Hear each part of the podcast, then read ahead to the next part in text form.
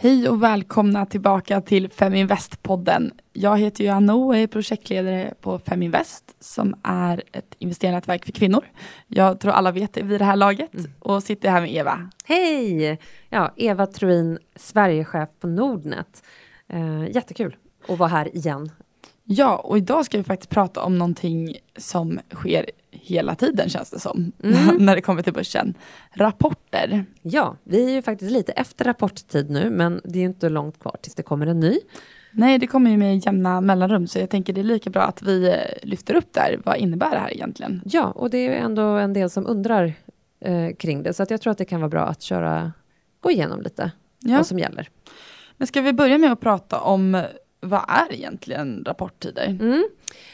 Rapporttider då, eller rapportsäsong brukar man också prata om, är när bolagen presenterar resultatet för hur det har gått för dem senaste kvartalet eller och också året. Man brukar ofta räkna upp eh, året eh, totalt också. Och det är ju så att varje kvartal så får ju alla eh, bolag som är noterade på, på börsen ska ju rapportera kvartalsvis. Och varför släpper bolagen en rapport och vad ska den här rapporten innehålla?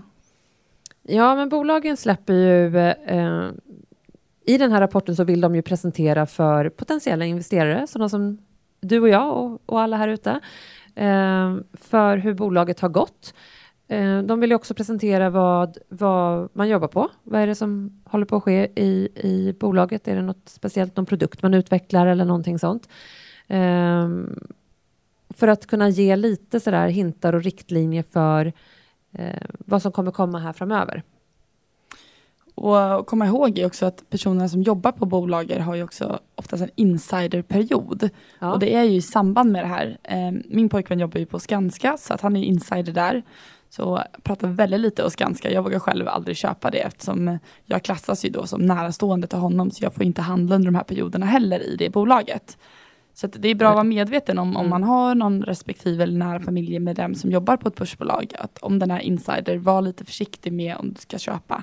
Jag, brukar, jag har sagt till min man att du får inte köpa Nordnet överhuvudtaget, punkt. För det är, det är väldigt höga straffbelopp eh, och det är väldigt det är ganska komplicerade regler kring insiderhandel och det är ju bra för att det finns en anledning till det.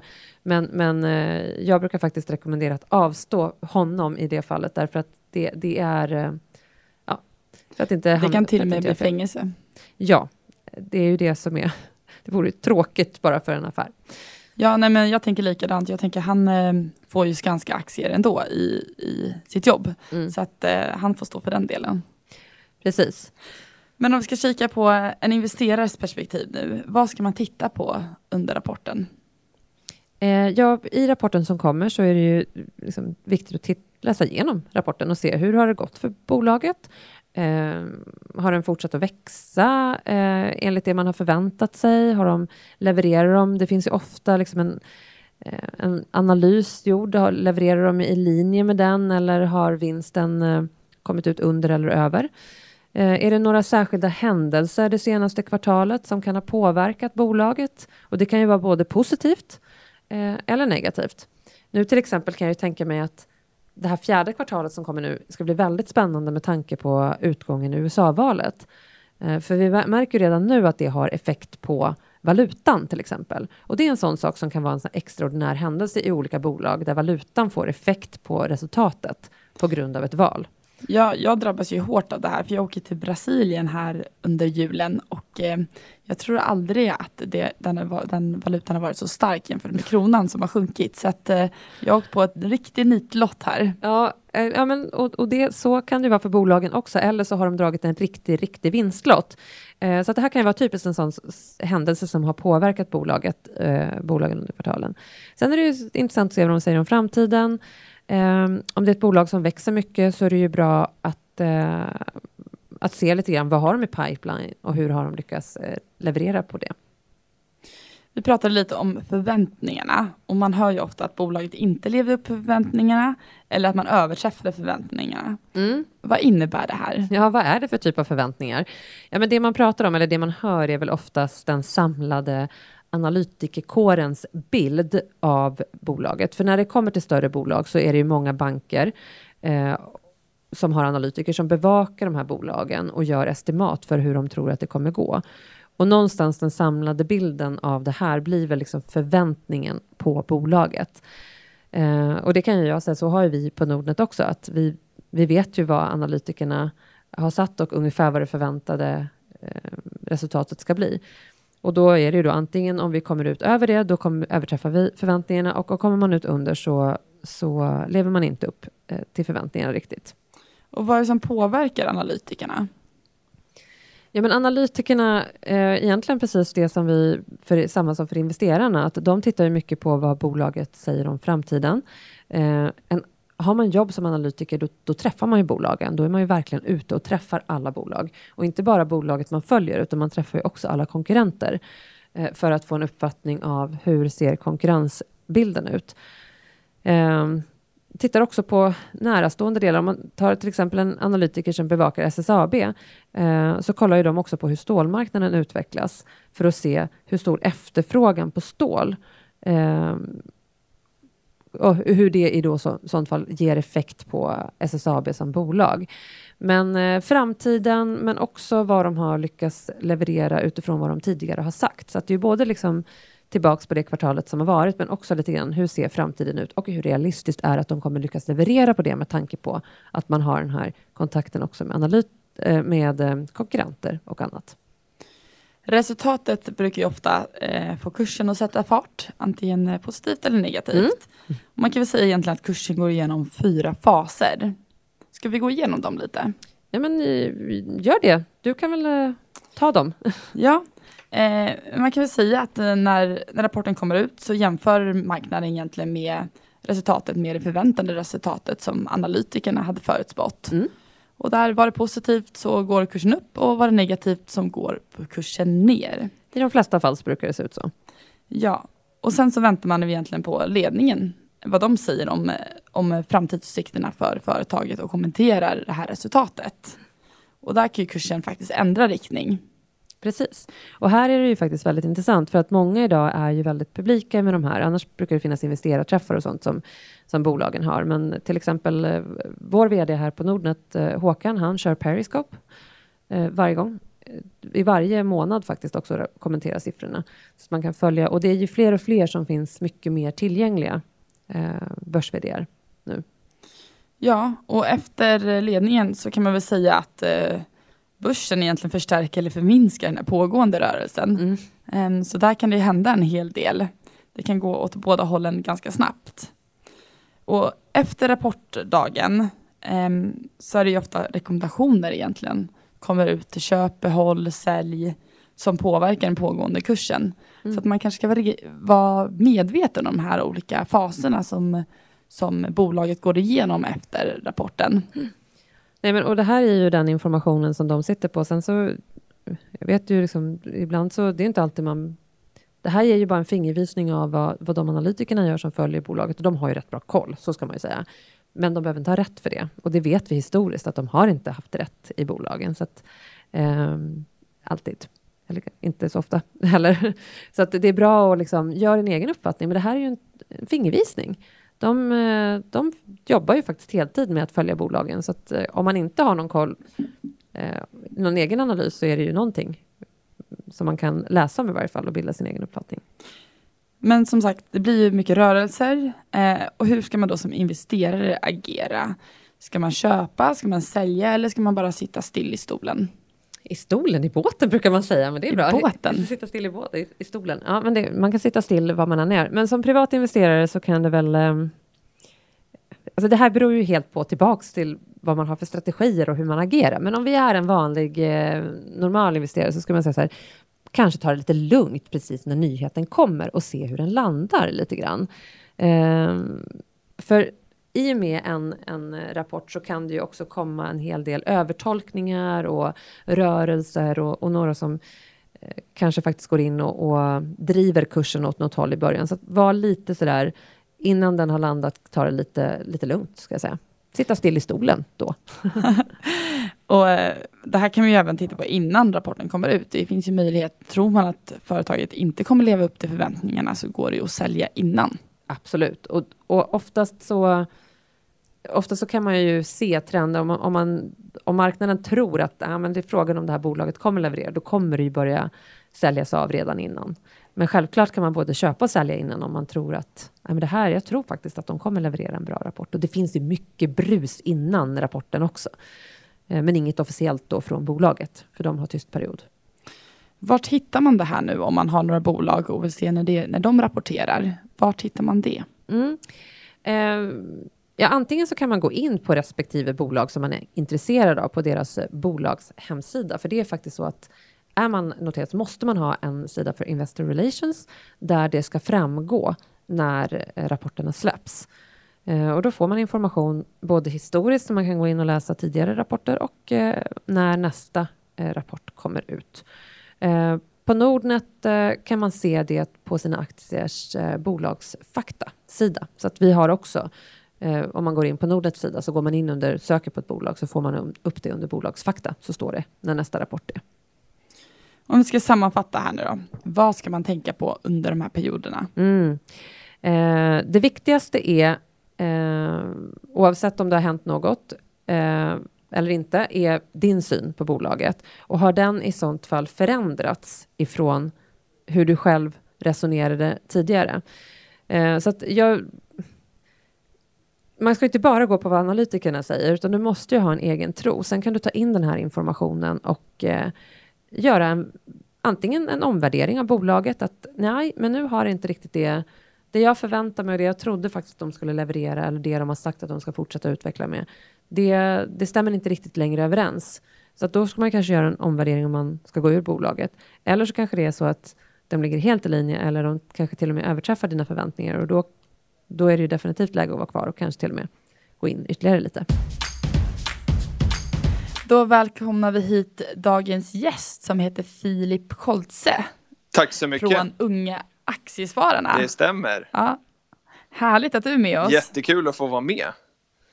Ja, du är ju en van poddare. Ja, jag är lite van i alla fall. Men, eh, men jag brukar ju liksom sitta i din stol och, eh, och ställa frågorna och liksom leda podden. Så, att, eh, så i, i den här sitsen så är jag ju eh, lite med nybörjare. Så att, eh, men det känns jättespännande. Kul att få vara med i Fem i podden Ja, nu får du sitta i heta stolen och ska svara på de här frågorna. Jag hoppas ja, att det inte är alls för svårt. Nej, det ska ja. vi nog lösa.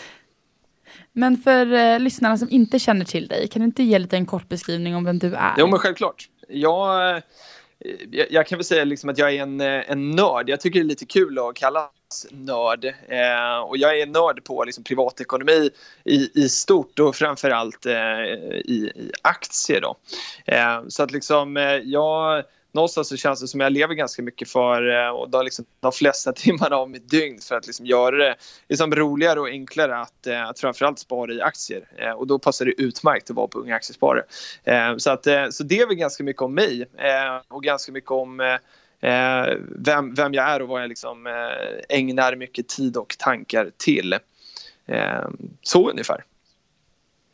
Ja, och ni har även en podd som heter Prata pengar, mm. eh, som jag tycker är väldigt bra, så den kan vi också rekommendera till er lyssnare som gillar att lyssna på poddar. Ja, tack. Eh, men vad gör unga aktiesparare mer? Vad gör ni för typ av aktiviteter?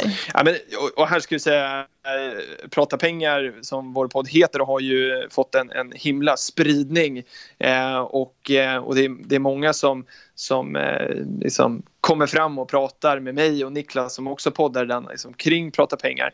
Eh, och det är jätteroligt. Men Unga Aktiesparare är ju eh, liksom så mycket mer och liksom det största och det viktigaste arbetet som, som Unga Aktiesparare gör är ju det som alla våra, vi har ungefär 250 ideella medlemmar och det är de är organiserade i 36 lokalavdelningar runt om i hela landet och deras aktiviteter, och det är flera hundra varje år, det är liksom kärnan i Unga Aktiesparare.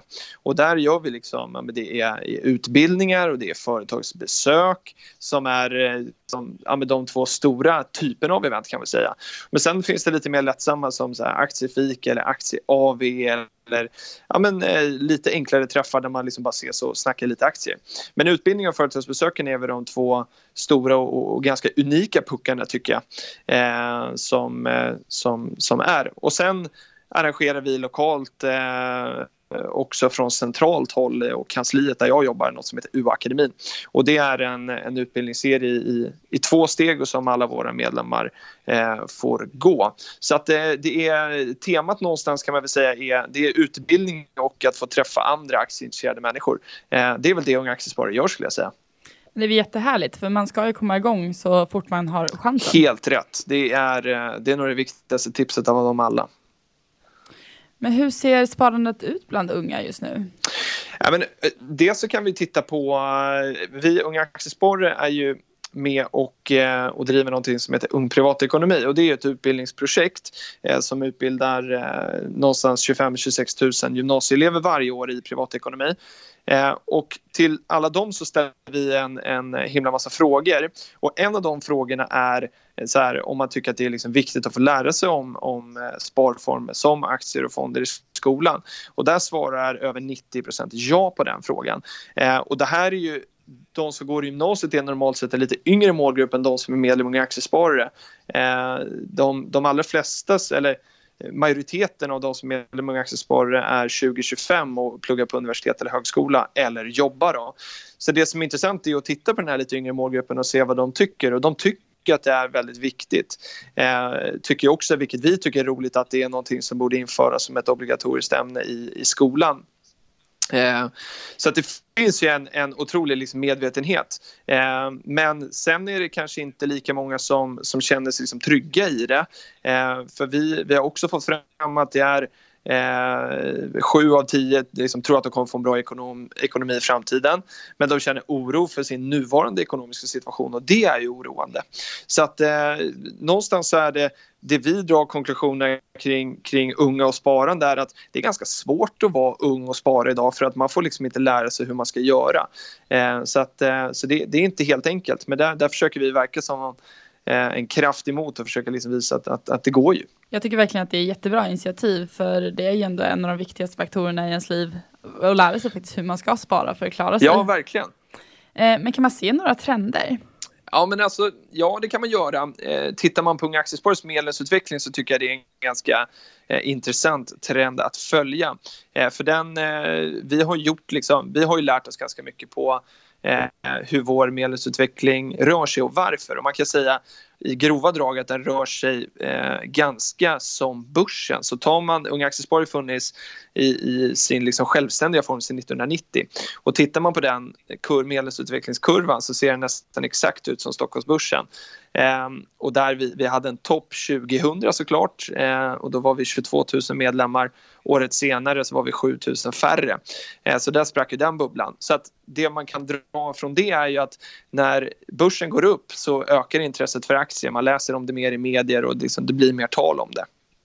Och då ser vi att... Vad härligt att ni Ja, förlåt, Härligt att ni också följer index. Ja, vi följer verkligen index. Men, och, vi, och här kan vi säga då om vi tittar på var vi befinner oss nu i trenden så har ju Unga Aktiesparare då eh, sedan 2012 ökat i medlemsantal. Eh, och, och börsen har ju inte riktigt sett likadan ut sedan 2012. Eh, så att eh, nu, eh, nu är intresset väldigt, väldigt stort och det så på de nivåerna vi är på nu i medlemsantal om vi räknar bort den där 20 Eh, 2000, år 2000 så, så ligger vi på väldigt höga nivåer. Så intresset är ju jättestort just nu. Och trenderna går ju mycket åt, om vi också backar tillbaka till skolan så är det, vi, man kan läsa mycket i media om att programmering är ett sånt ämne som många vill få in i, eh, i skolan och även privatekonomi. Det har ju införts sedan några år tillbaka men man vill ha ännu mer privatekonomi. Eh, så att eh, det är mycket med, med liksom de här de digitala trenderna och de digitala verktygen för att liksom komma igång med sparande. Det är också sånt som vi ser bland unga. Eh, som, som, och framförallt i Sverige där vi inte använder så mycket kontanter heller så har vi väldigt liksom, en digital ung målgrupp. Eh, så det är väl därför kanske liksom fintech-hubben har blivit just här också för att eh, det, den målgruppen finns verkligen i Sverige och det, det märker vi ganska tydligt. Ja, jag tycker det är jättebra att få in det redan i ung ålder. Det blir så mycket lättare senare. Ja, det blir det. Ehm, men om man om man nu är student mm. och inte har så mycket pengar över varje månad men ändå vill komma igång med sina investeringar, mm. vad har ni för tips till dem? Ja, men tipset till dem är, och där eh, tänker jag sno det tipset som du sa alldeles nyss nu, att, att det gäller att komma igång så tidigt som möjligt. För det är så, vi, vi är väldigt övertygade om att det är liksom tiden och avkastningen som är de två viktigaste faktorerna och, och sparande är lite som träning, det är ett beteende. Eh, man kommer igång och sen eh, liksom där i januari så har man det här nyårslöftet och så sätter man igång och sen Eh, och sen är det lätt att det kommer in andra kostnader precis som man har inte tid att gå till gymmet och så lägger man om med det. Så att det vi försöker liksom tala om eh, för, för våra medlemmar och andra unga som vi träffar är att, att oavsett belopp egentligen om det sen är en hundring i månaden eh, så, är, så räknas den. Eh, för du kommer liksom över tid kunna öka den här eh, summan i takt med att du börjar jobba och sådär. Så att bara att liksom under studietiden lägga undan en hundralapp eller vad det nu kan vara eh, det gör väldigt mycket för beteendet och då kan man lära sig också under de här åren hur aktiemarknaden fungerar med pengar som, som i slutändan kanske inte eh, gjorde så stor skillnad. Eh, så att, så, så vi, eh, vi är väldigt för att man liksom sätter igång tidigt och, och, och, kommer igång och testar. För det är en sån vanlig fråga vi får. Hur mycket pengar måste man ha för att börja investera? Eh, och nu när liksom, priserna är så pass låga för att handla med aktier och, och, och även liksom fonder finns det ju många som är till och med gratis idag. Så kan man börja med 100 kronor. Ja, och fördelen numera är ju att man faktiskt kan handla på mobilen. Exakt. Det är ganska smidigt, man behöver inte sätta av så mycket tid. Nej, verkligen, verkligen. Sen finns det en utmaning där också med, med sparande för, för unga. För att det var också, eh, jag, jag, såg en siffra om att 59% av alla barn har ett fondsparande. Det var Fondbolagens förening som, som sa den siffran. Och, eh, och då tänker man så här, ja det låter ju jättemycket. Men då är det någonstans föräldrarna också som sparar till sina barn. Och vi vill ju att barnen ska komma igång och ungdomar att liksom spara själva. Och det är inte helt lätt idag heller när man är under 18 för då måste man ju också ha med sig sin förälders liksom godkännande på det här. Eh, så att eh, eh, lite knivigt eh, kan det ändå vara men det, det blir ju lättare och lättare som du säger med, med tekniken som kommer. Ja, och ett tips till er som har eh, lite äldre barn. Eh, får de mer intresserade kanske att de får vara med och sätta över pengarna till fonderna varje månad. Verkligen. Få vara med och välja fonder till och med. Eh, super, superintressant då tror jag. Mm. Men hur ser fördelningen ut mellan män och kvinnor i Unga Aktiespararna? Är det relativt jämställt? Eh, inte på medlemsnivå. Då, då har vi 26 procent är kvinnor eh, och det är något högre. Jag, jag tittade faktiskt också för, eh, för aktiespararna och de ligger ett par procentenheter lägre. För intressant att jämföra då oss kids med, med de vuxna. Eh, men, eh, men fortfarande 26 procent, så det är en av fyra. Eh, och frågar du mig så tycker jag det är alldeles för lågt. Eh, jag ser ingen anledning varför det inte skulle vara 50-50.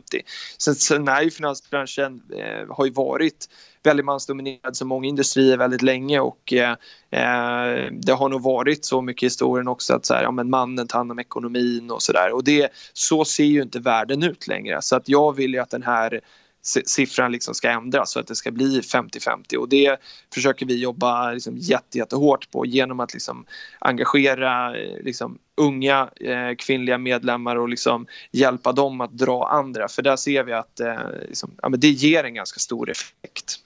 Eh, vad är de vanligaste frågorna som ni får när ni är ute och träffar alla unga? Eh, det är ganska grundläggande frågor, liksom allt ifrån hur man kommer igång till vilka aktier ska man köpa. Aktietips är ju det absolut eh, vanligaste. Eh, och och det är ganska intressant för att liksom vi, vi någonstans vill ju lära ut att man ska, man kan absolut ta aktietips som inspiration men, men framförallt så ska man komma, komma fram till ett eget beslut. Det är jätteviktigt. men sen är det också mycket frågor om olika konton. Ska man ha ISK eller depå eller kapitalförsäkring? Olika tillgångslag, vad är det för skillnad på ETFer, fonder och aktier. Och det, att bara förklara skillnaden mellan fonder och aktier, det är inte helt enkelt och vi, det får vi jättemycket frågor på. Eh, men jag tycker att det är ganska, jag tycker det är ganska liksom sunt någonstans att, att få såna här enkla frågor för det tyder någonstans på att liksom barriären för att komma igång är inte jättestor. Eh, och det vet ju vi som har hållit på med det här ett tag att eh, aktier aktier och liksom sparande är ju, det är ju fruktansvärt enkelt. Eh, man gör det så svårt man, man vill det. Så att eh, nej, men, det, men man ska ändå ha respekt för att, att eh, det är lite knepigt med olika kontotyper och skillnad mellan aktiefond och sådär. Men har man väl tagit sig över den pucken så, eh, så ligger man ganska nära att vara på rätt väg. Ja, och det är bara att fråga. Jag tror att alla i finansbranschen hur mycket män har arbetat eh, har frågor om olika förkortningar. Oh, ja. det händer ju mycket så att, det är bara att fråga på. Det finns inga dumma frågor egentligen. Verkligen inte. Ehm, men nu har vi pratat lite om unga aktiespararna och vad ni gör. Men om vi mm. tittar lite på dig, för du investerar ju väldigt mycket själv också. Jajamän. Ja, vad har du för strategi när du väljer ut dina innehav? Ja, men det här är, det här är lite intressant då, för att det är många, jag, jag får ju mycket frågor kring liksom, min strategi och hur jag gör mina analyser och sådär. Och, eh, och då skäms jag nästan, eh, vilket är jättekonstigt för det borde jag inte göra, för att jag, liksom, jag gör inga superdjupa analyser om vi tänker att en analys är att man sitter med en massa Excel-dokument och, och, trycker på en knapp så att det räknas ut siffror som säger köp eller sälj. Eh, utan jag går ju väldigt mycket på min magkänsla och eh, eh, i, i grund och botten så och det kan man, man kan ju hitta mina portföljer på, på Shareville. Eh, jag heter som jag heter eh, och eh, där ser man att jag har väldigt mycket investmentbolag och det gör jag för att jag tycker att jag, menar, jag går ju till jobbet och vaknar upp varje dag för att göra Unga Aktiesparare så bra som möjligt. Och investmentbolagen, när jag köper dem så investerar jag i personer som, som går till jobbet för att eh, liksom, öka aktieportföljen så mycket som möjligt. Så det tycker jag är en ganska bra grej samtidigt som jag får en bra riskspridning. Eh, sen väljer jag några bolag, H&M är ett sånt exempel som jag inte kan nå via investmentbolagen men som jag ändå liksom vill, vill ha allokering till. Men det är väldigt mycket, förutom investmentbolagen så är det sånt som jag har eh, i min vardag och som, eh, som jag har liksom lätt att förstå. Så att jag har en ganska, jag har en väldigt enkel strategi. Eh, och sen, Men det är en eh, köp och behåll? Ja, verkligen, verkligen. Mm. Jag har inga eh, liksom tankar om, eh, liksom, eller ja det är klart jag funderar på hur marknaden ska gå men vi kan ta Brexit som ett exempel. Eh, då, då hade varit uppe sitta kväll veckan innan, lönen kom på kontot eh, och jag eh, köpte dagen efter eh, och det här var då två dagar före Brexit eh, kom och portföljen sjönk Eh, med, eller börsen sjönk med, med 7% ungefär den måndagen och då hade jag redan investerat mina pengar. Så att liksom, hade, jag, hade jag väntat så hade jag gjort, liksom, då hade jag kunnat köpa lite billigare. Men så tog det ett par veckor och så var man tillbaka. Så att jag, jag har liksom lagt det där med, med att tajma på hyllan. Jag, jag bryr mig inte om det för fem öre faktiskt. Men vilket har varit din mest lyckade investering? Eh, det har nog varit eh, Betsson och den har jag inte kvar i portföljen men jag köpte den en gång i tiden för på runt 35 kronor eh, någonstans, 35-36 och så sålde jag den Eh, med, med eh, uppåt 100 i avkastning. Eh, och, och det har väl varit, det, det, var ju ett dåligt beslut sen för att jag borde ha hållit i den längre. Sen har ju Betsson haft det lite körigt eh, sista tiden. Men, men den var typiskt nybörjarmisstag och inte, eller att plocka hem vinsten och inte låta den löpa. Men det är nog fortfarande sett till i, i procentenheter så är det nog min bästa. Ja, det är, man är, om man tittar tillbaka så blir man ju alltid lite så här, gud jag skulle ha behållit den lite längre, jag skulle ja. ha sålt den lite tidigare. Ja, men det är det här med att vara efterklok, det är, det är så enkelt alltså.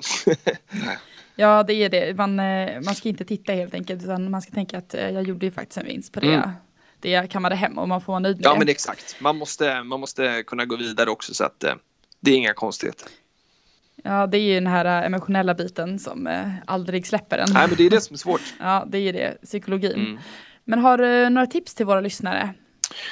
Ja, men jag, jag eh, väljer att upprepa mig lite grann och så säger det igen då att, att, eh, att komma igång eh, och, och att våga. Och, och, här när vi pratar, nu kommer jag generalisera lite grann, men när vi pratar om, om tjejer och killar i och med att vi var inne och snuddade lite grann på det så är min uppfattning att eh, bland, liksom, bland, bland killarna så, så är man, har man tyvärr lite övermod ibland och bland tjejerna så är man ibland lite för försiktig. Och jag skulle gärna vilja att de här, jag var nere i Lund och föreläste för ett par veckor sedan eh, och då sa jag det till, till eleverna som satt där inne att om ni börjar snacka med varandra så kommer ni bli grymma investerare.